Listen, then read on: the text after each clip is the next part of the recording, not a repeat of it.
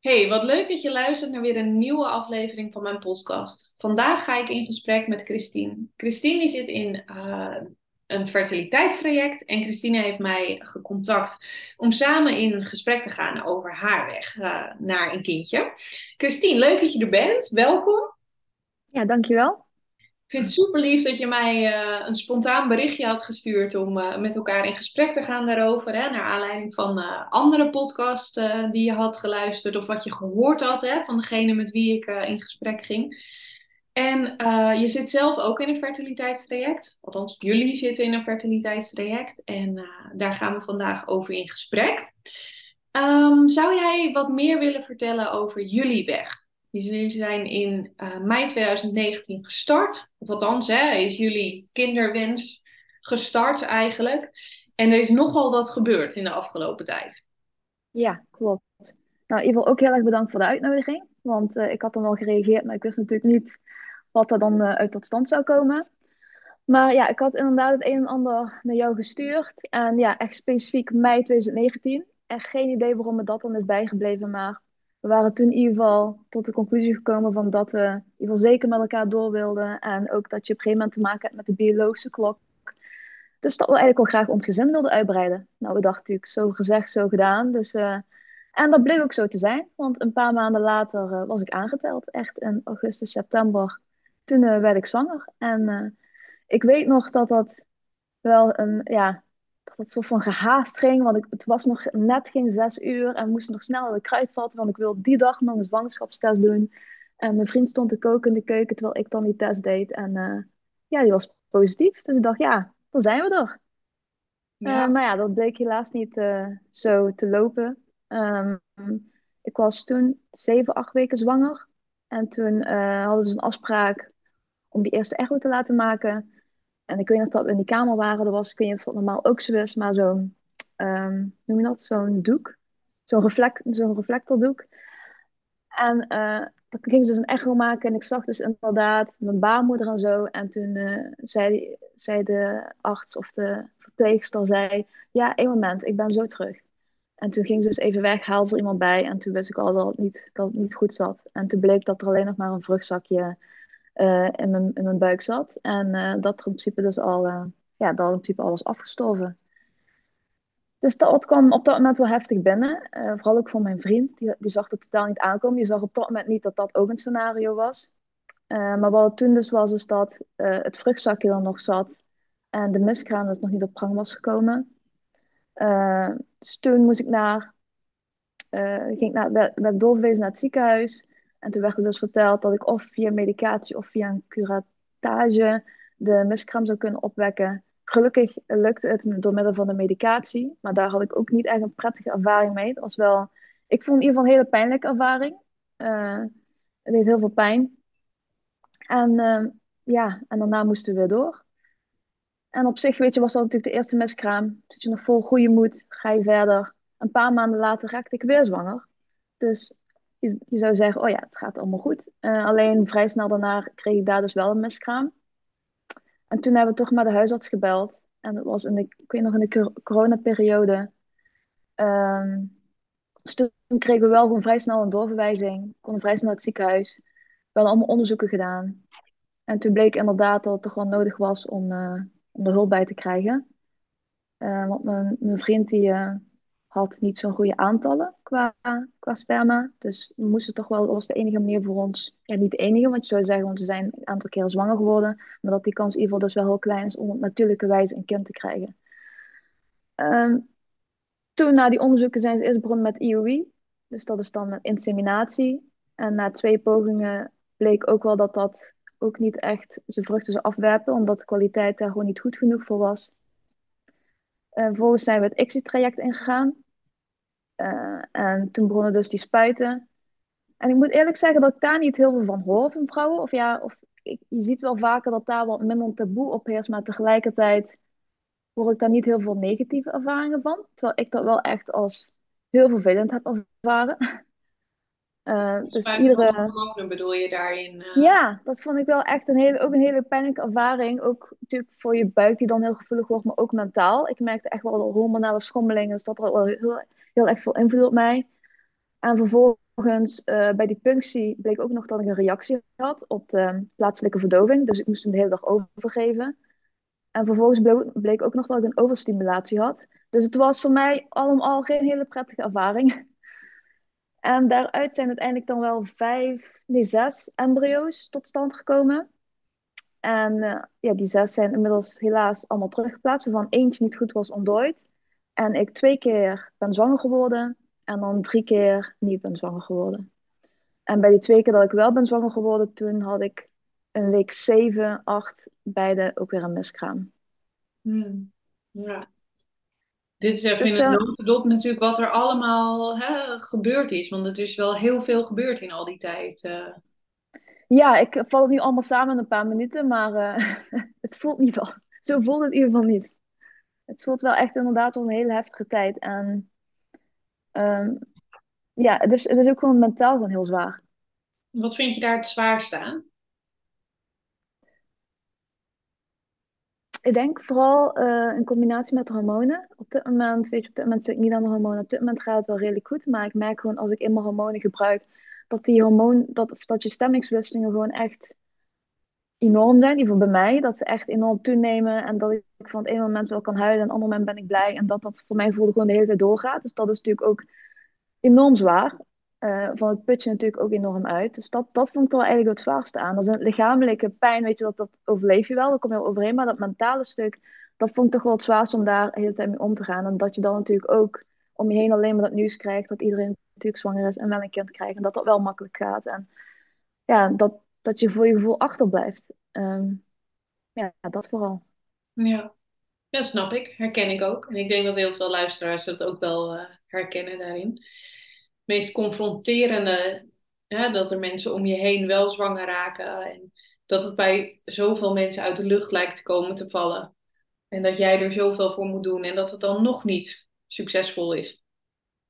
Ja, vooral ook omdat je probeert ook zo gezond mogelijk te leven. Als je probeert er echt alles aan te doen wat je maar kan. Of weet je, door middel van of yoga of mediteren. Of je, genoeg slapen, gezond eten. Gewoon, je probeert alles te doen. En dan lukt het een ander door daar helemaal geen rekening mee te houden. En gewoon zo'n normale gangetje te gaan. En dan heb jij er zoveel moeite mee. En dat, dat voelt gewoon soms heel oneerlijk. En ja.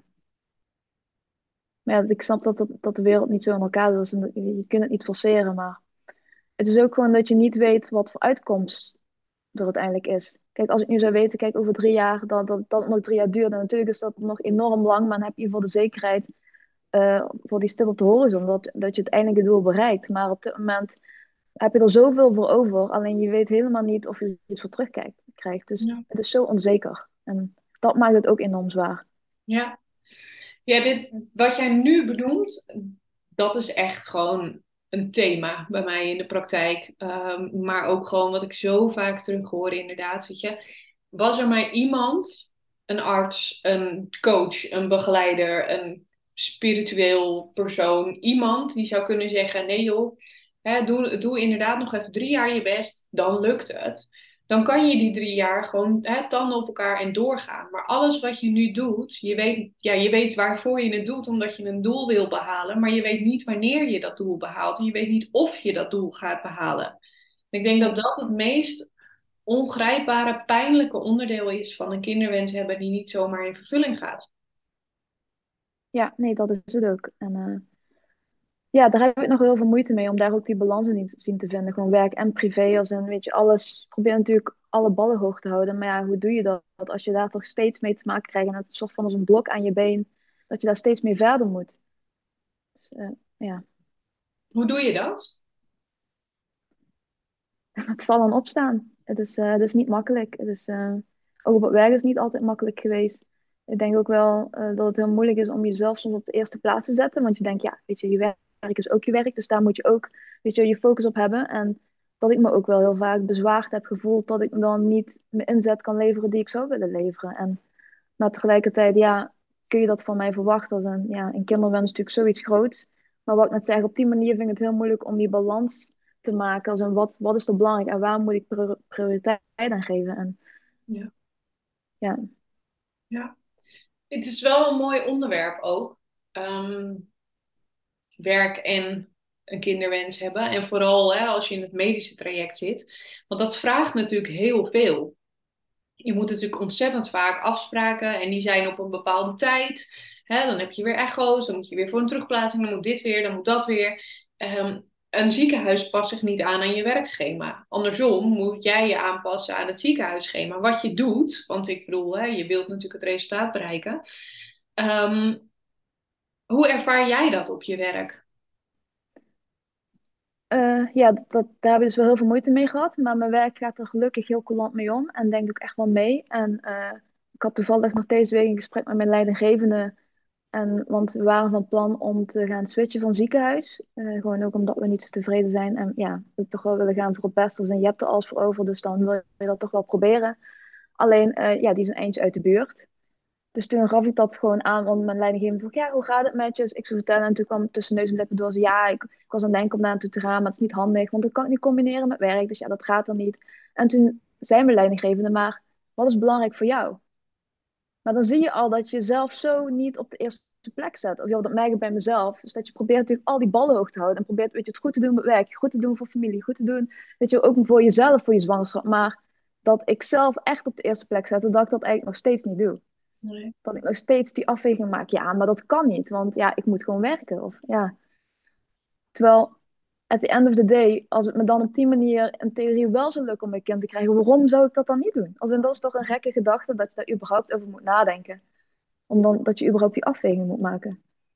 Ja, ik denk dat dat ook een stukje, wat jij zegt, alle ballen hoog willen houden, maar ook een stukje zekerheid of zo is. Want het leven moet wel gewoon doorgaan zoals het altijd ging. En ja, het is omdat het zo ontastbaar is, omdat je niet weet, hè, als je je been gebroken hebt, weten ze op je werk dat je nog zes weken uit de relatie bent, bij wijze van hè, dat je thuis werkt of dat soort dingen. En dat je daarna, nou ja, misschien twee weken nog last hebt van je been, maar daarna ben je er wel weer. Dat, dat weet je niet in dit geval. En je weet niet hoe vaak je naar het ziekenhuis moet en hoeveel tijd dat gaat kosten. En dus het is ook wel een soort ja, een ander soort kwetsbaarheid om dat natuurlijk heel erg open te delen op je werk en ook te vragen of het kan. Ja, maar daar heb ik dus gelukkig heel veel geluk mee. Dus in dat opzicht hoef ik me eigenlijk daar niet zoveel zorgen over te maken, terwijl ik dat tegelijkertijd wel doe. Want ja, nogmaals, je, je wil inderdaad dat het ook doorgaat, maar je wil ook een bepaalde inzet leveren. Dus ja, je, van, je hebt ook collega's die dan wel bij wijze van fulltime werken en jij kan dat dan niet. en dat voelt natuurlijk ook niet eerlijk. Dus in dat opzicht probeer je op alle manieren gewoon jezelf te zijn. Of in ieder geval zo goed mogelijk alles te doen zoals je normaal zou doen. Maar tegelijkertijd, misschien kun je dat ook helemaal niet van jezelf verwachten in deze periode. Misschien moet je inderdaad gewoon jezelf voorop staan en zeggen, weet je wel, ik wil graag een kind. En dat is eigenlijk het belangrijkste wat er is. Want at the end of the day, weet je, aan het einde van je leven kijk je niet terug. Ja, maar ik heb wel hard doorgewerkt. Dus ja, dus ja, eigenlijk moet ik er ook gewoon alles aan doen om dat dan te realiseren. Alleen is het soms heel moeilijk omdat je nu toch, weet je, nu, dit is de realiteit waar je nu in leeft. En je wil inderdaad, wat je zegt, gewoon eigenlijk zorgen dat alles gewoon op rolletjes loopt, dat alles gewoon doorgaat. Ja. Maar eigenlijk is dat gewoon helemaal niet realistisch om dat van jezelf te vragen in, in zo'n situatie. Nee, want je, nou ja, ja, of het wel of niet realistisch is, dat, dat weet ik niet. Ehm, maar ik denk dat je überhaupt heel veel van jezelf vraagt. En dat je ook überhaupt heel vaak uh, grenzen verlegt. Grenzen waarvan je niet dacht hè, dat je er overheen zou gaan, ga je toch overheen in zo'n traject. En je gaat toch steeds een stapje verder en steeds een stapje meer doen eigenlijk. Dus los van werk of een ander specifiek onderwerp, vraagt het natuurlijk heel veel van je op verschillende vlakken. Ja, klopt. Want uh, ik had vanaf het begin al gezegd, toen ik nog bezig was met het zetten van die spuiten, zei ik, ik ga dit niet meer doen. En, ja, en wat staat er nu in het vooruitzicht? Dat ik dat weer ga doen. Dus ja, je verlegt inderdaad, inderdaad ja, je verlegt in dat opzicht inderdaad je grenzen. En uh, je weet ook op een gegeven moment niet meer goed waar het eindpunt is. Weet je, van wat, wat is de grens?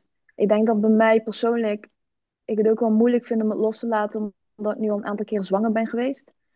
Ik denk dat het wellicht, maar ja, dat kan ik ook niet echt over oordelen, maar stel dat dat helemaal niet was geweest, dat ik het dan wellicht makkelijk kon loslaten. Dus het gaat gewoon echt niet. Maar nu denk ik, ja, het is een paar keer gelukt. Dus in theorie zou het moeten kunnen. En uh, er zijn ook allemaal onderzoeken gedaan en daar is niks uitgekomen. Dus in principe is de conclusie dat het zou moeten kunnen. Maar ja, die zekerheid krijg je natuurlijk niet. Maar dat maakt het in ieder geval voor mij uh, makkelijker om die grens te verleggen. Maar of dat goed is, weet ik niet. Ja.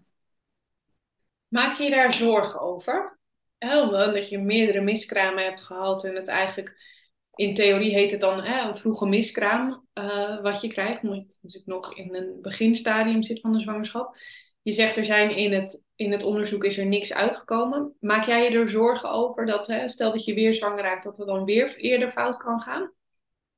Natuurlijk, dat, dat is je grootste angst. Alleen om de, eerste twee keer, dus de terugplaatsing en toen ben ik zwanger geworden de miskraam. En de laatste afgelopen drie keren ben ik niet zwanger geworden.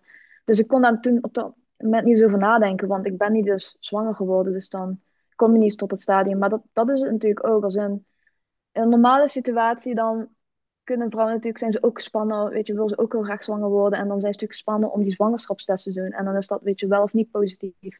Maar dat merk je nu ook. Als in, bij mij komen er al tien stappen vooraf voordat ik überhaupt toekom aan die test.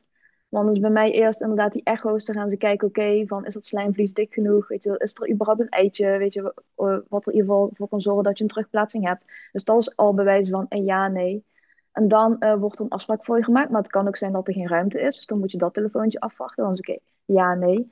En als dat dan wel doorgaat, dan krijg je op de dag zelf nog te horen of de terugplaatsing doorgaat. Want dan, het kan ook dat het eitje dus verkeerd ontdooit. Dus dan is ook weer ja, nee. En vervolgens, na de terugplaatsing, krijg je ook weer te horen, is dat goed gegaan? Ja, nee. En dan vervolgens zit je pas op het wachtbankje. Dus voordat je überhaupt die test kan doen, of het wel of niet positief is, heb je nog zoveel variabelen waar het überhaupt van afhankelijk is, of je überhaupt daaraan toekomt. Dus ja, dus ik zou zeker, mocht ik hopelijk weer zwanger raken, dan zou ik me zeker uh, pas na het eerste trimester uh, beetje een gerust gevoel hebben. Maar ik kom al heel vaak bij die eerste paar jaar nee, dan kom ik al niet, niet meer verder. Dus uh, dan staakt het al. Ja, ja. Maakt het je. Het klinkt heel hard wat ik nu ga zeggen, zo bedoel ik dat niet. Um, maar er zijn natuurlijk in de onderzoeken. Hè, er is eigenlijk niks uitgekomen bij jou waarvoor het bij jou niet zou lukken. De schuld, even tussen aanhalingstekens, hè, of de oorzaak ligt meer bij de partner. Maakt dat je ook wel eens onzeker? Dat je denkt, hé, hey, dan hebben we al die factoren. Want in het ziekenhuis wordt dan natuurlijk gekeken naar, nou ja, we pakken het goede gedeelte van het zaad en we voegen dat samen en alles. Dus er wordt in principe een goed embryo teruggebracht of teruggeplaatst. Ook tussen aanhalingstekens, want dat is ook altijd nog weer hè, een, een theorie daarna wordt het bij jou ingebracht. In theorie zou dat dus goed moeten gaan. Maakt dat je ook nog op een bepaalde manier onzeker of misschien wel boos dat je denkt: hoe kan dit nou dat dit dan niet lukt terwijl er niks mis is? Jazeker. Uh, ja, ik ben er heel onzeker over. Des te vaker het mislukt, des te onzeker ik word. Je, je gaat toch twijfelen aan je eigen lichaam. Of die toch wel goed werkt, of dat er toch iets mis is. En ook al kunnen ze niks vinden, dat, daar, uh, dat zorgt er niet voor dat je dan denkt, oh ja, er is niks. Dus daardoor kan ik het niet zomaar laten varen. Um, ja. Ik wil daar nog iets op zeggen, maar ik ben het even kwijt. Geef niet, we komen er vanzelf weer op. Ik denk ook, um, in medisch traject wordt natuurlijk heel erg gefocust op de vrouwen. Er wordt weinig gefocust op de man daarin. Vind je dat lastig? Um, in het begin wel, inmiddels niet. Want weet je, mijn vriend kan er ook niks aan doen. Het is niet dat hij dat had gewild. Dus in dat opzicht verwijder ik hem dan niet in of zo. Of, ja. Nee, dus zo denk ik er helemaal niet over na. Weet je, wij willen samen een kind. En dus gewoon iets wat we samen willen. En dan is het, weet je, ons probleem. En dus niet, weet je, één iemand zijn probleem. Want je doet het toch samen. Dus nee, in het begin heb ik er misschien wel eventjes over nagedacht. Dat ik denk van ja, weet je, als, als hij het probleem niet had, dan zaten we hier niet. Maar dat heb ik al snel laten varen, omdat ja, je hebt er niks aan en het, is toch iets wat we samen willen. Ja, mooi. Ja, vind ik mooi. Ik een mooie toevoeging daarin. Uh, het is inderdaad iets wat je samen wilt. Ja, ja. Andersom, ja, ik zit, hè, de reden dat ik dit vraag is, bij ons was er geen reden ook hè, waarom een zwangerschap uitbleef. Um, ik heb me wel altijd heel schuldig gevoeld naar mijn man toe. Um, ik heb ook gewoon wel tegen hem gezegd: joh, misschien moet je maar naar iemand anders gaan. Weet je, die je wel een kind kan geven. Terwijl er in die zin geen schuld was, ook weer tussen aanhalingstekens. Maar ik voelde het echt alsof ik ontzettend faalde. En hè, zag daarin niet zo, wat jij nu zegt, ik zag daarin niet zo gemakkelijk van: oh, ja, dit is wat we samen willen en dit is de weg die we samen moeten bewandelen, zeg maar. Het was meer dat ik ja, het echt voelde alsof, alsof ik faalde. En niet zozeer dat, dat het bij hem niet goed ging of de combinatie van ons, maar ik zag dat echt heel, betrok dat heel erg op mezelf. Wat, wat had je voor gevoel dan? Als in, waarom had je dan het gevoel dat je faalde? Omdat ik niet zwanger raakte. Omdat het niet lukte. er, er, was volgens de artsen geen, geen reden. Er was gewoon, we kregen de diagnose onverklaarbaar onvruchtbaar. Dus er was geen reden gevonden. Zowel niet bij hem als niet bij mij. En toch lukte het niet. En ik had heel erg het idee van, joh, mijn lijf moet het doen. Mijn lijf moet, in mijn lijf moet het gaan innestelen. In mijn lijf moet het blijven plakken. En in mijn lijf moet het gaan groeien uiteindelijk. En dat gebeurde niet. Hmm. Dus daardoor vond ik het, betrok ik het heel erg op mezelf. En ik vind het heel mooi om dan te horen dat jij dat ja, juist niet doet eigenlijk. Ehm, ook niet schuld neerleggen bij de partner, maar dat je het heel erg samen ziet daarin. Ik denk dat dat een hele mooie benadering is daarvan. Want dat is het natuurlijk in feite ook. Jullie doen het samen. Ja, en ik denk ook wel, mijn partner probeert me daar ook wel zo goed mogelijk te ondersteunen. Want hij zegt ook van, ja, weet je, jij moet dan wel naar het ziekenhuis, maar weet je, we doen het samen. Dus hij zorgt ook dat hij bij iedere afspraak dat hij erbij is. En dat vind ik ook heel mooi, dat hij altijd wel ruimte maakt om dat, weet je, niet te zeggen, oh ja, jij moet naar het ziekenhuis, dus regel het maar. Nee, wij gaan naar het ziekenhuis. Dus hij zorgt echt dat hij overal bij is. Dus op die, manier, voel ik ook wel die betrokkenheid. Op die manier voelde het ook wel echt dat we het samen doen. Dus dat maakt het inderdaad wel iets moois. Uh, niet per se iets moois waar je in zou willen zitten, maar op die manier maken we er, proberen we er wel iets moois van te maken. Dat het in ieder geval iets positiefs is. En ik denk op die manier dat we dan ook wel uh, close blijven. Als je hebt natuurlijk ook, ja, het fertiliteitsproblemen kan natuurlijk ook ervoor zorgen dat je uit elkaar groeit. Maar ik, ik heb het gevoel dat het in ieder geval bij ons wel heeft gezorgd dat we juist alleen maar sterker zijn geworden door. Natuurlijk is het niet uh, waar we zouden willen zijn. En zouden we het gewoon het liefst weet je, een, gezinsuitbreiding willen. Maar ik merk gewoon dat het tussen ons wel goed zit. En dat vind ik in ieder geval wel fijn. Dat dat in ieder geval niet onder leidt. Ja, ja. Ja, en het is helemaal, weet je, ik, ik zou met liefde die ervaring van, die wij hebben, ook in een medisch traject, of überhaupt een kinderwens niet zomaar in vervulling gaat, zou ik echt met liefde uit willen wissen. Maar achteraf sowieso heeft het mij gebracht naar waar ik nu ben. Hè? Ik bedoel, ik had nooit mijn eigen praktijk gehad in hormooncoaching als ik niet zelf die ervaring had gehad. En ik ben nu heel dankbaar dat ik met mijn ervaring andere vrouwen mag inspireren en ook mag helpen daarin. Gewoon. Want ik denk zeker dat dit nou nog steeds een taboe is. Het is gewoon nog steeds zo'n onderbelicht onderwerp. En ook als ik hoor nou ja, toevallig vanochtend nog met iemand over gehad in, in mijn DM op Instagram. Dat als ik soms hoor wat er in ziekenhuizen gebeurt, denk ik, jeetje, het is zeven jaar geleden dat ik daar voor het eerst binnenkwam. En toen voelde ik me al niet gehoord en hè, niet gezien. En dat is soms nog steeds zo. En dat vind ik gewoon echt. Nou ja, dan zou ik nog harder willen schreeuwen wat ik, hè, wat ik nu verkondig en wat ik vertel allemaal. Dat ik denk, ja, maar dit is, zo niet 2022 of 2023 wat we aan het doen zijn gewoon in, in Nederland. En, en dat vind ik echt, echt oprecht een gemis. Ik zit er nu aan te denken, ik heb recentelijk ook wat dames uit België uh, in de praktijk gehad. En het verschil met wat er in België gedaan wordt in een fertiliteitstraject. Alleen al het simpele voorbeeld dat je in België op het moment dat je zwanger bent naar de gynaecoloog gaat en dat de gynaecoloog jou een advies op maat geeft voor suppletie, voor vitamines. Oké. Hier in Nederland weet je eigenlijk alleen, ja joh, ik moet foliumzuur slikken, that's it. Dus dat, is, dat is al zo'n zo'n andere insteek. En sowieso fertiliteitstrajecten in Duitsland, in België, die zijn zoveel verder dan in Nederland. En dat, ja, dat vind ik op praktisch gebied, maar ook op empathisch gebied gewoon echt wel echt een gemis. Ik weet niet hoe jij dat, je dat natuurlijk niet. Ja, dat verwacht je natuurlijk niet van Nederland. Als, in, gewoon, als je er over, over zo'n algemeenheid over nadenkt, dan verwacht je dat niet. Dus daar sta ik ook wel van te kijken. Maar ik, ik merk dat natuurlijk ook wel eens, en ik heb natuurlijk ook wel ervaren van, uh, ja, je voelt je inderdaad niet gehoord. Maar ik, ik heb ook het gevoel dat ik, dat niet alle informatie werd gedeeld. Als in dat we natuurlijk als arts zijn, als verpleger zijn, dat ze er maar vanuit gaan dat de ander wel weet weet je, wat, waar ze in zitten. Of de ander wel weten wat voor medicatie die gaat gebruiken. Weet je, dan gaan ze praten over een pregnil of over utrogestan. Ja, dat moet je dan gebruiken. Of je, allemaal gewoon alsof het zo vanzelfsprekend is of zo. En dat, dat viel me enorm op. Als en dat ik dan vervolgens thuis even moet opzoeken, ja, wat ben ik überhaupt aan het doen? Want dat vertellen ze je dan niet. En uh, En wat nog meer, ja, oh ja, wat ik ook wel heb ervaren, en die heb ik dan gelukkig vanuit mijn werk gekregen, want die kreeg ik vanuit het ziekenhuis niet. Wat ik wel echt iedereen kan aanraden, is echt een psycholoog. Want ik dacht eerst in het begin toen ik erin stapte, ja, een psycholoog of iemand waar ik mee wil praten, dat is echt niet nodig. Dus en ik red het zelf allemaal wel. En niet dat ik er op tegen had, maar ik dacht van ja, gewoon dat heb ik niet nodig. Ik ben daar te nuchter voor en ik kan dat zelf. Dat was gewoon mijn instelling. En inmiddels heb ik dan gelukkig vanuit mijn werk een psycholoog gekregen. En dat helpt mij zo eh, ontzettend bij, bij gewoon, gewoon even over te praten en even over werken. En dat helpt gewoon enorm. En ik zou, weet je, het zou mooi zijn als ieder ziekenhuis dat gewoon standaard aanbiedt. Ja, Dat heeft mij in ieder geval, eh, dat helpt mij op dit moment in ieder geval enorm om het wat meer te kunnen relativeren. ja, mooie tip. Een goede tip om mee te geven aan andere mensen inderdaad eh, in het traject. Nu we het toch over tips hebben, eh, dat komt gewoon even zo spontaan op.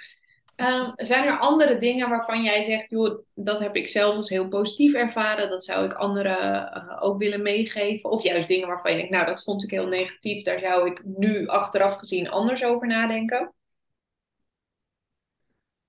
Ehm, ik weet niet of ik echt een tip heb. Het, wat, wat ik wel in ieder geval positief vind, is dat ik er altijd heel open over ben geweest. En dat dat mij wel enorm geholpen heeft. Als in, in principe aan iedereen. Bij wijze van als ik een wildvreemde op straat tegenkomen, zou ik het daar ook over hebben. Als in, voor mij persoonlijk heeft er geen taboe. En ik merk ook dat me dat enorm geholpen heeft op mijn werk. Als in, ik ben een beetje vanaf het begin open geweest, dus ik hoefde niet achteraf vanaf uit te leggen of zo. Gewoon mijn leidinggevende had altijd begrip, omdat ik vanaf het begin af aan gewoon stapsgewijs ook eigenlijk aan mijn leidinggevende vertelde wat er aan de hand was. En op die manier creëer je natuurlijk ook begrip, want je kunt natuurlijk niet verwachten dat een ander zomaar begrijpt in welke situatie je zit. Tuurlijk is het sowieso wel moeilijk om te begrijpen waar je in zit, omdat die ander dat niet beleeft, maar als je niks zegt, kan de ander het sowieso niet weten. Dus dat heeft mij wel enorm geholpen om er gewoon eigenlijk open over te zijn, want ja, hoe, Waarom is het erg om erover te praten? Waarom zou het een taboe moeten zijn? Waarom zou het een geheim moeten zijn dat je problemen hebt met het krijgen van een kind? Ja, ik ben dat helemaal met je eens. Ehm, ja, dat, dat zeg ik heel enthousiast. Ik heb het zelf niet of nauwelijks gedeeld, eh, dat wij daarin zaten. Ehm, daar heb ik achteraf wel last van gehad. Ja, ja en ik had. Oh, sorry. Nee, ga Ja, maar door. waarom was het jouw keuze om, eh, om daar, om daar gesloten over te zijn in beginsel? Nou, ik denk niet eens dat het een hele bewuste keuze was. Ehm, ik heb er eigenlijk nooit echt over nagedacht om daar heel open over te zijn. Er was één stel vrienden bij ons die het wel wisten. Ehm, daar hebben we het toen wel verteld. We hebben ook niet zelf gezegd van joh, we gaan het met niemand delen. Nee, helemaal niet. Ehm, het is gewoon zo gelopen eigenlijk. Zoals wel heel veel dingen in een kinderwenstraject gewoon zomaar zo lopen. Uh, maar achteraf denk ik zeker dat ik daar heel veel meer uit had kunnen halen. Ik heb ook wel eens, hè, daar had ik iets op Instagram geplaatst over, nou ja, dat, hè, dat je soms wel opmerkingen krijgt die je natuurlijk niet wil hebben. Hè, dat mensen tegen ons zeiden van, nou, uh, het duurt wel lang hè, die kinderen. Of, nou, jullie zijn nu al twee jaar getrouwd, het wordt wel eens tijd. En dat wij dat allebei een beetje weglachten. Um, maar die opmerkingen had ik misschien voor kunnen voorkomen als ik daar wel open over was geweest. Ik weet niet of dat alles natuurlijk weghaalt, want er blijven mensen natuurlijk hè, die opmerkingen maken of die dat gewoon zomaar ja, naar buiten uh, gooien of eruit gooien. Maar ik denk zeker dat het wel um, voor mezelf wat meer, ja, dat ik me wat minder eenzaam had gevoeld, denk ik daarin. Um, en nog steeds hoor, want ik bedoel, er zijn nog steeds mensen in mijn omgeving die niet helemaal uh, het verhaal weten. Ondanks dat ik dat natuurlijk nu heel erg deel en dat ik daar heel erg open over ben. Maar goed, niet iedereen in mijn omgeving volgt mij op Instagram of hè, leest mijn nieuwsbrieven. Dat, dat hoeft ook helemaal niet. Um, maar het feit dat kinderen niet uit de lucht komen vallen, ik denk dat, dat we daar veel ook meer open over mogen zijn. Ook de mensen bij wie het wel uit de lucht komt vallen, of lijkt hè, dat het uit de lucht komt vallen. Want er zijn heel veel stellen bij wie het lijkt alsof het zo is, waarbij het toch ook niet zo was. Nee, en dat, dat, daar kom je inderdaad achter naarmate je er wat meer open over bent, dat andere mensen hun verhaal natuurlijk ook dan uh, aan je kwijt willen.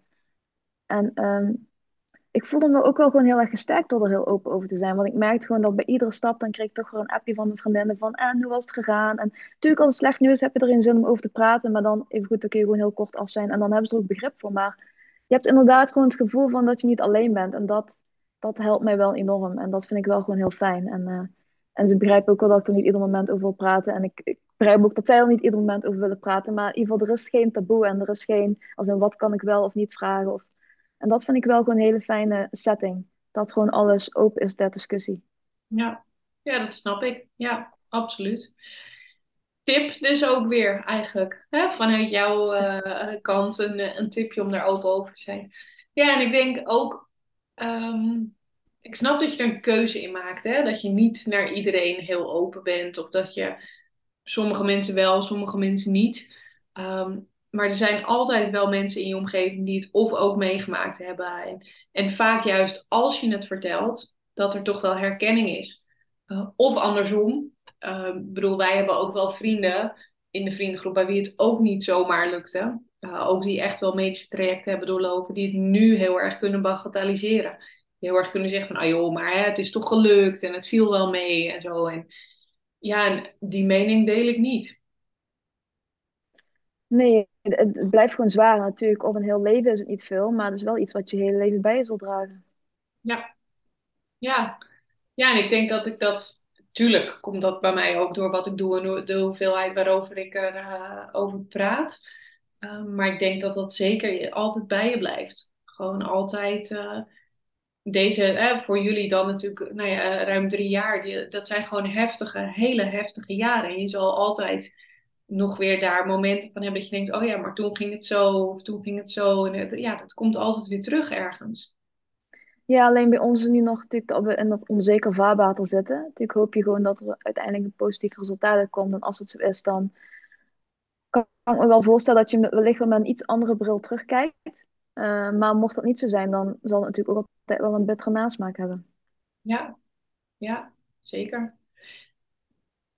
Heb je er vertrouwen in dat het goed gaat komen? Um, ik heb wel hoop. Ik denk dat je, weet je, als je geen hoop hebt, heeft het sowieso geen zin. Dus ik heb sowieso wel hoop, alleen ook sceptisch. Dus ik denk meer een combinatie daarvan. Als in, ik wil mezelf er niet te veel hoop geven, omdat ik dan weer, ja, dat het dan weer misschien doorslaat en dat je dan weer teleurgesteld wordt. Dus ik denk dat soms gematigd positief is, omdat je niet te teleurgesteld wordt zijn als je dan weer slecht nieuws krijgt. Maar hoop heb ik zeker. Mooi. Ja. Hoop heb ik zeker. Ik denk dat dat de titel gaat worden van deze podcast. Uh, het is een mooie, mooie titel uh, daarin. Zijn er dingen die jij aan de luisteraars nog mee zou willen geven voordat we uh, de podcast afronden? Dingen waarvan je zou willen zeggen, of misschien een leuk boek wat je gelezen hebt, wat jou heel erg geholpen heeft ergens in, of een bepaalde aanpassing die je gedaan hebt in de afgelopen jaren waar je heel veel uitgehaald hebt?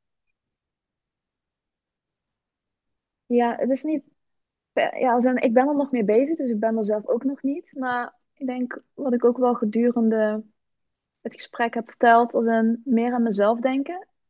En ik denk dat daar over het algemeen, denk ik, hoop ik, denk, of niet hoop ik, maar denk ik meerdere vrouwen last van hebben. Dus dat je zelf niet op de eerste plek zet. Dus dat je inderdaad gewoon begint met wat is belangrijk voor mij en wat wil ik. En dat je op basis daarvan keuzes maakt.